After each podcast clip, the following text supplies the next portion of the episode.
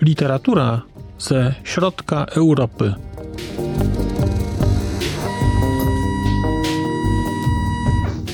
Podcast około książkowy.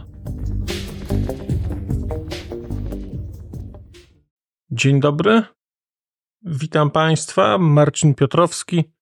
Podcast Literatura ze środka Europy. Po raz kolejny pojawiam się u Państwa z książką Tomasa Bernharda. Mam dzisiaj bowiem bratanka Wittgensteina z podtytułem Przyjaźń. Książkę, którą Thomas Bernhard napisał w roku chyba 82. Książkę wydaną w Polsce w roku 2019 przez czytelnika. To jest wydanie drugie. Przekładu tej książki dokonał pan Marek Kędzierski. I także pan Marek Kędzierski napisał do tej książki znakomite posłowie. Posłowie w sumie, od którego można byłoby tę książkę zacząć. To znaczy, nie jest tak, że to jest jakaś wyjątkowa trudna książka jak na Thomasa Bernharda, ale to posłowie przed lekturą nie zaszkodzi. Ono w niczym nie zespoiluje, a może dostarczyć dla kogoś, kto zaczyna czytać Thomasa Bernharda, może dostarczyć trochę takich informacji, trochę kontekstu, nieco lepiej tę książkę spozycjonować sobie. Skoro zacząłem od końca, czyli od posłowia, to powiem jeszcze, że w tym posłowiu znajdą Państwo po pierwsze jakąś część dotyczącą bezpośrednio bratanka Wittgensteina, czyli tej konkretnej książki, ale nie tylko bo jest tam cały taki dłuższy pasaż na temat twórczości Thomasa Bernharda. Trochę jest to zrobione w konwencji chronologicznej. To jest bardzo krótkie, bardzo skondensowane, świetnie napisane. Jest cały fragment trochę odnoszący bratanka Wittgensteina do innych dzieł literatury europejskiej, w szczególności do literatury francuskiej. Jest też tam część mówiąca trochę o przekładach Bernharda, szalenie interesująca, szalenie interesująca, bo stamtąd dopiero dowiedziałem się, że w sumie mamy wielkie szczęście, że na polski Bernharda da się przetłumaczyć, a na przykład na angielski jest trudniej, a jest trudniej, na co zwraca uwagę pan Marek Kędzierski, jest trudniej dlatego, że w języku angielskim i w ogóle w kulturze angielskiej nie ma tej takiej mocnej plemienności. I sama idea brudzenia do własnego gniazda jest tam fundamentalnie nieznana. To też większość przekładów no, znacząco odbiega od tego, co jest w wersji niemieckiej. Znacząco odbiega na poziomie językowym. Ten Bernhard jest mocno przepracowywany, ale także na poziomie koncepcji i w sumie to jest kolejny powód, żeby cieszyć się, że mieszkamy w Europie Środkowej, bo jak pisze tłumacz, to właśnie Europa Środkowa i jej plemienny charakter powoduje, że tę twórczość można odbierać w pełni i że ta twórczość tutaj właśnie wybrzmiewa. Ja słyszałem wcześniej już, że Bratanek Wittgensteina jest powieścią, którą się poleca jeżeli ktoś chce zacząć czytać Tomasa Bernharda. Po części się z tym zgodzę. Jest to książka, która jest, jeżeli można mówić o twórczości Tomasa Bernharda łatwa, to ta jest przystępna, powiedziałbym. Na dodatek, jak na Tomasa Bernharda, jest to książka, no, użyję tego słowa, optymistyczna. Jest to książka dowcipna jest znacząco inna od chociażby wymazywania. Jest inna od autobiografii, mimo że kiedy zaczynam ją czytać, miałem wrażenie, że czytam kontynuację autobiografii jakąś, bo tu też się zaczyna historia w szpitalu trochę później niż ta historia, która się w autobiografiach kończy. I rzeczywiście Wydaje się, że może to być pierwsza książka Benharda i nie powinna być barierą. jest też dosyć krótka. To jest 140 stron, czyli właściwie albo mini powieść, albo nieco dłuższa nowela. No i o czym to rzecz jest? No, rzecz jest o tytułowym bratanku Wittgensteina, czyli o Paulu Wittgensteinie, który jest przyjacielem Tomasa Bernharda. Ten podtytuł Przyjaźń mówi wprost o tym, że poznajemy tutaj Paula Wittgensteina, którego Bernhard przedstawia jako swojego przyjaciela.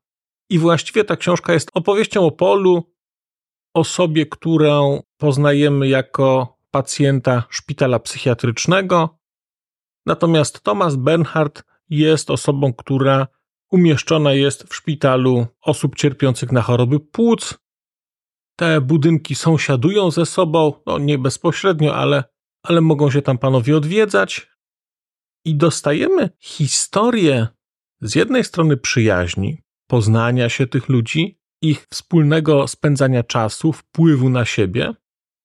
Przede wszystkim jest to opowieść o Paulu, ale jednocześnie jest to także dla Bernharda szansa na pokazywanie siebie. Bo ponieważ panowie mają bardzo wiele wspólnego, to opowieści o Polu Wittgensteinie są także opowieściami o Tomasie Bernhardzie. On bardzo często prezentuje poglądy Pola jako poglądy przeciwne do swoich lub jako poglądy zbieżne ze swoimi. To też nie ma wątpliwości, że jest to książka rzeczywiście o Polu Wittgensteinie. Natomiast ekspresyjność i charakter Bernharda tutaj widać i on pisze tutaj także o sobie. Jak zwraca uwagę tłumacz, jest ta książka dosyć dobrze sytuowana czasowo i jest to książka częściowo autobiograficzna. Mówię częściowo, dlatego że część faktów nie zgadza się tutaj z rzeczywistością, jest trochę podkoloryzowana, natomiast większość postaci, które tutaj są, to są postacie rzeczywiste. Zdarzenia, które tutaj są pokazane, są zdarzeniami rzeczywistymi. One zostały trochę chyba poprzesuwane w czasie, trochę one są połączone. Natomiast można mówić o tej książce w kategorii jakiejś dalszej części autobiografii, mimo że z założenia prezentuje ona postać kogoś innego. Pod względem formy można tutaj znaleźć to, co mi się szalenie podobało w chodzeniu, czyli rodzaj takiego, nie wiem jak to ująć, takiego rytmicznego balansowania zdaniami.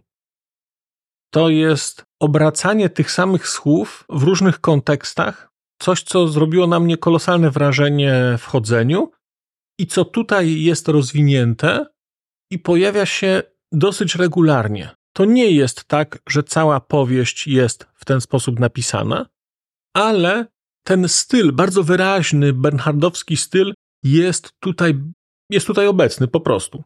Więc jeżeli się tę książkę przeczyta, to ma się szansę posmakować tego, jak Bernhard pisze, jednocześnie nie ryzykując albo długiej lektury, albo starcia z takim Bernhardem najdojrzalszym, takim pełnym tej goryczy i negatywnych emocji. Mimo, że trudno o tej książce mówić, że jest książką optymistyczną, bo na końcu, jak sam autor mówi, to jest książka o śmierci.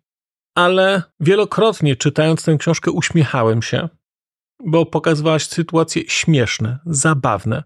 Także postać Pola jest postacią takiego ekscentryka, człowieka, który zachwycony jest operą, człowieka, który przez jakiś czas ścigał się w wyścigach samochodowych. Tutaj pod koniec lat 60. ma już prawie 70 lat, czy tam 80 jest już starszym człowiekiem, ale jeszcze kiedyś to był król sal operowych, to był król toru, to był król barów, dusza towarzystwa. Taki człowiek starego typu. Takich ludzi już chyba nie ma. Ale to tak trochę na marginesie. Chciałem wrócić do tego stylu. Proszę posłuchać takiego fragmentu. Do 40 roku życia w owych ratuszach i aulach dawałem z siebie robić durnia. Przyjmowanie nagrody nie jest bowiem niczym innym niż robieniem z siebie durnia. przyjąć nagrodę to nic innego niż pozwolić komuś zrobić z siebie durnia, ponieważ dostaje się za to pieniądze. Wręczanie nagrody uważałem zawsze za największe poniżenie, jakie można dla kogoś wymyślić, nie za wywyższenie. Nagrodę bowiem przyznają zawsze ludzie niekompetentni, którzy pragną zrobić z człowieka durnia i którzy istotnie robią durnia z człowieka, jeśli przyjmie ich nagrodę. A mają oni pełne prawo robić z człowieka durnia, ten bowiem jest tak nikczemny i niegodziwy, że przyjmuje ich nagrodę. Tylko w najpilniejszej potrzebie, w bezpośrednim zagrożeniu życia i egzystencji i tylko do 40 roku życia. Człowiek ma prawo przyjmować związaną z pieniędzmi albo jakąkolwiek nagrodę lub wyróżnienie. Przyjmowałem nagrody nie będąc w najpilniejszej potrzebie i bez zagrożenia życia czy egzystencji, przez co uczyniłem z siebie nikczemnika i niegodziwca, człowieka odrażającego w najprawdziwszym sensie tego słowa. Słyszeli Państwo chyba, mam nadzieję, może uda mi się to pokazać, ten rytm. Tutaj było to słowo dureń, przyjmowanie, odmawianie. To tak się, jak takie wahadło, to się tak buja. Raz, dwa, raz, dwa. Tego jest tutaj dużo, ale ja bym chciał kontynuować tę opowieść o nagrodzie, bo to jest cudowna historia, która też wydaje mi się bardzo dużo mówi o Tomaszu Bernhardzie i o tym, jakim był człowiekiem i skąd wokół niego brał się taki trochę negatywny vibe, taka zła energia. Może nie zła energia, ale trochę takie przekonanie, że jest jakimś kontrowersyjnym twórcą. Kontynuujemy więc dalej lekturę zdarzenia, które związane było z przyznaniem mu nagrody Grill Parzera, najważniejszej austriackiej nagrody literackiej. Thomas Bernhard pisze tak. W drodze po nagrodę Grill Parzera myślałem jednak, że tym razem rzecz ma się inaczej. Ta nagroda nie jest związana z żadnymi pieniędzmi. Akademia Nauk to jest coś i jej nagroda to też jest coś. Myślałem sobie w drodze do Akademii Nauk. I myślałem, kiedy wszyscy troje, Paul, mój życiowy towarzysz i ja, dochodziliśmy do Akademii Nauk, że ta nagroda, ponieważ nazywa się Nagrodą Grill Parzera, stanowi wyjątek. I faktycznie, w drodze do Akademii Nauk wymyśliłem sobie, że zostanę powitany już przed gmachem Akademii Nauk, tak jak przystoi, jak myślałem, z należytym szacunkiem. Lecz absolutnie nikt mnie nie powitał. Kiedy już wszyscy troje przeczekaliśmy dobry kwadrans w holu wejściowym Akademii Nauk, a mnie absolutnie nikt nie rozpoznał. Nie mówiąc o tym, że nie powitał. I choć wszyscy wciąż w koło się rozglądaliśmy, mojej obecności w ogóle nikt nie zauważył. Gdy napływające na tę uroczystość tłumy zaczęły się wlewać do wewnątrz, zajmować już miejsca w przepełnionej sali, pomyślałem sobie, że teraz po prostu wejdziemy do auli, jak wszyscy inni, którzy już tam weszli. I wpadłem na myśl, żeby usiąść w samym środku sali, gdzie zostało jeszcze trochę wolnych miejsc. Weszliśmy więc tam, wszyscy troje, i usiedliśmy. Kiedy usiedliśmy, sala była już pełna. I sama pani minister już też zajęła swoje miejsce w pierwszym rzędzie, tuż przy podium. Orkiestra Filharmonii brzdąkała już nerwowo na swych instrumentach, zaś prezes Akademii Nauk, który nazywał się Hunger, co oznacza głód, biegał niespokojny tam i z powrotem po całym podium. Oprócz naszej trójki nikt nie wiedział, dlaczego uroczystość jeszcze się nie rozpoczęła. Jacyś członkowie Akademii ganiali po podium tam i z powrotem, wypatrując bohatera całej tej uroczystości. Również pani minister wykręcała głowę we wszystkie strony. Nagle jeden z panów na podium wypatrzył mnie, siedzącego w głębi sali, szepnął coś na ucho prezesowi Hungerowi, zszedł z podium i ku mnie się skierował. Niełatwo mu było między wypełnionymi po brzegi rzędami torować sobie drogę do mnie, siedzącego po środku. Wszyscy siedzący w moim rzędzie musieli powstać z miejsc i robili to z wyraźną niechęcią i, jak zaobserwowałem, rzucając w moim kierunku nieprzyjazne spojrzenia. Pomyślałem, że faktycznie był to perfidny pomysł, ażeby zająć miejsce w samym środku sali, ponieważ dotarcie do mnie kosztowało pana torującego sobie do mnie drogę naturalną koleją rzeczy, członka Akademii, sporo wysiłku.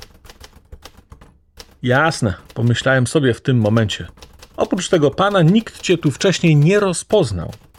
Teraz natomiast, gdy ów pan nareszcie przede mną stanął, spojrzenia wszystkich skierowały się na mnie. Ale jakie? Karcące, przeszywające. Jakaś akademia, która przyznaje mi nagrodę, chociaż mnie absolutnie nie zna. I ponieważ przyznaje mi nagrodę, chociaż absolutnie mnie nie zna, i ponieważ nie dałem się jej poznać, napada na mnie od razu karcącymi i przeszywającymi spojrzeniami. Zasługuje na coś jeszcze o wiele perfidniejszego, pomyślałem sobie. W końcu pan ten zwrócił mi, jak to się mówi, uwagę, że moje miejsce nie jest tam, gdzie siedzę, lecz w pierwszym rzędzie, obok pani minister, i że powinienem z łaski swojej udać się do pierwszego rzędu i zająć miejsce obok pani minister. Nie usłuchałem tego pana. Zwrócił się bowiem do mnie w sposób naprawdę niemiły i arogancki, a poza tym był tak odrażająco pewny swojego triumfu. A więc tego, że go usłucham, że aby zachować godność, musiałem odmówić przejścia z nim z głębi sali na podium. Pan Hunger osobiście ma tu przyjść, oświadczyłem. Nikt inny, nie ktokolwiek inny, tylko sam prezes Akademii Nauk. Osobiście miał mnie wezwać do udania się na podium. W gruncie rzeczy miałem wielką ochotę razem z moimi towarzyszami wyjść z Akademii Nauk bez nagrody. Siedziałem jednak. Sam wszedłem do tej klatki, sam zastawiłem na siebie pułapkę. Sam dałem się zamknąć w Akademii Nauk. Nie było wyjścia. W końcu podszedł do mnie prezes Akademii i z prezesem Akademii udałem się na podium i usiadłem obok pani minister. W chwili, gdy siadałem obok pani minister, mój przyjaciel Paul nie mógł się opanować i wybuchnął gromkim śmiechem, wstrząsającym całą salą. I śmiał się dopóty, dopóki nie zaczęli grać kameraliści z filharmonii. Wygłoszono parę przemówień o Grillbarzerze i powiedziano parę słów o mnie. Mówiono w sumie jednak godzinę. A więc jak zwykle przy takich okazjach o wiele za dużo i naturalną koleją rzeczy same niedorzeczności. Pani minister w trakcie tych przemówień ucięła sobie drzemkę, a nawet, co dobrze słyszałem, krapała. Obudziła się zaś dopiero, gdy zaczęli na nowo grać kameraliści z filharmonii. Kiedy uroczystość dobiegła końca, ilu tylko mogło otoczyło na podium panią minister oraz prezesa Hungera. Mnie już nikt nie zauważał. Ponieważ nie opuściłem sali od razu, zdołałem jeszcze usłyszeć, jak pani minister rabkim, gromkim głosem zawołała: A gdzież to się podział nasz literacik? Tego było już dla mnie stanowczo za wiele. Więc jak najprędzej opuściłem Akademię Nauk. Żadnych pieniędzy, a do tego jeszcze dać z siebie zrobić durnia. W tym momencie już nie mogłem wytrzymać. Wybiegłem na ulicę, właściwie niemal ciągnąc za sobą moich towarzyszy. Usłyszałem jeszcze słowa Pola. Dałeś się nabrać, zrobili z ciebie durnia. Faktycznie, pomyślałem sobie zrobili z ciebie durnia. Dziś znowu zrobili z ciebie durnia. Tak jak zawsze durnia z ciebie robili. Ale sam dałeś im zrobić z siebie durnia, pomyślałem sobie. Do tego jeszcze w Wiedniu, w Akademii Nauk. Zanim we troje poszliśmy do Sahera, aby przy stoliku przetrawić całą przewrotność owej procedury wręczania nagrody, zaszedłem jeszcze do sklepu z odzieżą w Kolmarkt, w którym przed uroczystością kupiłem sobie nowy garnitur. Garnitur jest za ciasny, chcę wybrać jakiś inny, powiedziałem w sklepie. I powiedziałem to z taką bezwstydną emfazą, że ekspedienci bez najmniejszego sprzeciwu pozwolili mi natychmiast poszukać innego garnituru. Przymierzyłem dwa, może trzy własnoręcznie zdjęte z wieszaka garnitury i wybrałem sobie najwygodniejszy. Wziąłem go, dokonując małej dopłaty, i już na ulicy pomyślałem sobie, że wkrótce garnitur, w którym występowałem w czasie tak zwanego wręczenia nagrody Grill Parzera w Akademii Nauk, będzie nosił ktoś inny. Wydało mi się to zabawne, że ktoś inny będzie nosił ten garnitur po Wiedniu. No, to był nieco dłuższy fragmencik, ale wydaje mi się, że widać tutaj Tomasa Benharda, widać Pola. To był przykład narracji w tej książce. Paul jest tutaj obecny, on doprowadza do tej nagrody. On z Tomasem Benhardem jest na tej sali. On to jakoś puentuje, ale cała historia, która tu się wydarza, nie była o Polu, była o Tomasie Benhardzie. Oczywiście Paul jest tutaj obecny i jest mnóstwo historii o nim, o jego relacji, o jego chorobie psychicznej, o jego relacji z wujem, z Ludwikiem Wittgensteinem, tym filozofem, w ogóle o rodzinie Wittgensteinów, przemysłowców, o środowisku artystycznym Wiednia. No jest tu mnóstwo fantastycznych rzeczy. I rzeczywiście powiedziałbym, że jeżeli chcielibyście Państwo spróbować Tomasa Bernharda, no to może bratanek Wittgensteina jest dla Państwa szansą, bo długie to nie jest. Ja powiem niestety długie to nie jest, ale długie to nie jest. Jednocześnie są tutaj wszelkie cechy Bernhardowskiej prozy, czyli tego typu historia, jak przed chwilą słyszeliście, czyli pewien rytm. Są elementy też takiego narzekania na Austrię, elementy narzekania na znajomych, takiego szydzenia. Coś wspaniałego. A jednocześnie nie ma tutaj aż takiej dużej goryczy, tu nie ma aż takiego dużego rozczarowania życiem i wszystkim i takiego eksplodowania złymi uczuciami. Ta książka jest pod tym względem dużo, dużo spokojniejsza. Ja się bardzo cieszę, że bratanka Wittgensteina sobie przeczytałem. No i cieszę się na kolejne książki Tomasa Bernharda, które jeszcze są przede mną. A dzisiaj chciałem Państwu bardzo podziękować za wysłuchanie tejże audycji, zachęcić do dalszego współuczestnictwa w zbrodni, jakiej dokonuję na literaturze, mówiąc o niej. Żegnam się. Do usłyszenia.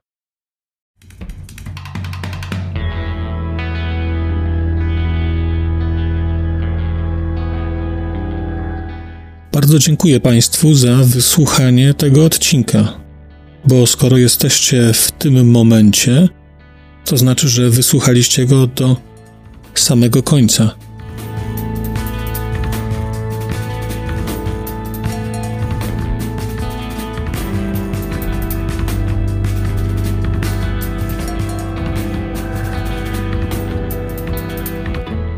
Słuchaczy platform podcastowych chciałem zaprosić na kanał na YouTube, gdzie znajdziecie Państwo te same treści, ale dzięki modułowi komentarzy będziecie mogli wejść w interakcję z innymi słuchaczami tego podcastu i dzielić się swoimi spostrzeżeniami dotyczącymi książek, ale nie tylko.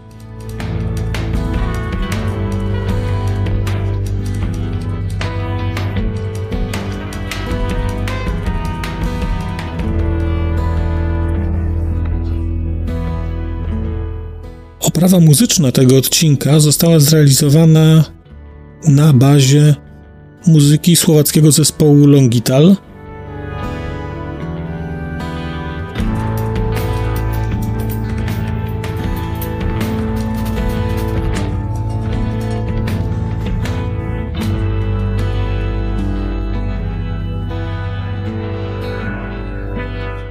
Longital to Wspaniała słowacka grupa, której muzyka jest dla mnie kwintesencją nowoczesnego brzmienia Europy Środkowej. Bardzo Państwa zachęcam do posłuchania tego zespołu i chciałem podziękować Shinie i Danielowi, że zgodzili się na wykorzystanie ich muzyki w moim podcaście.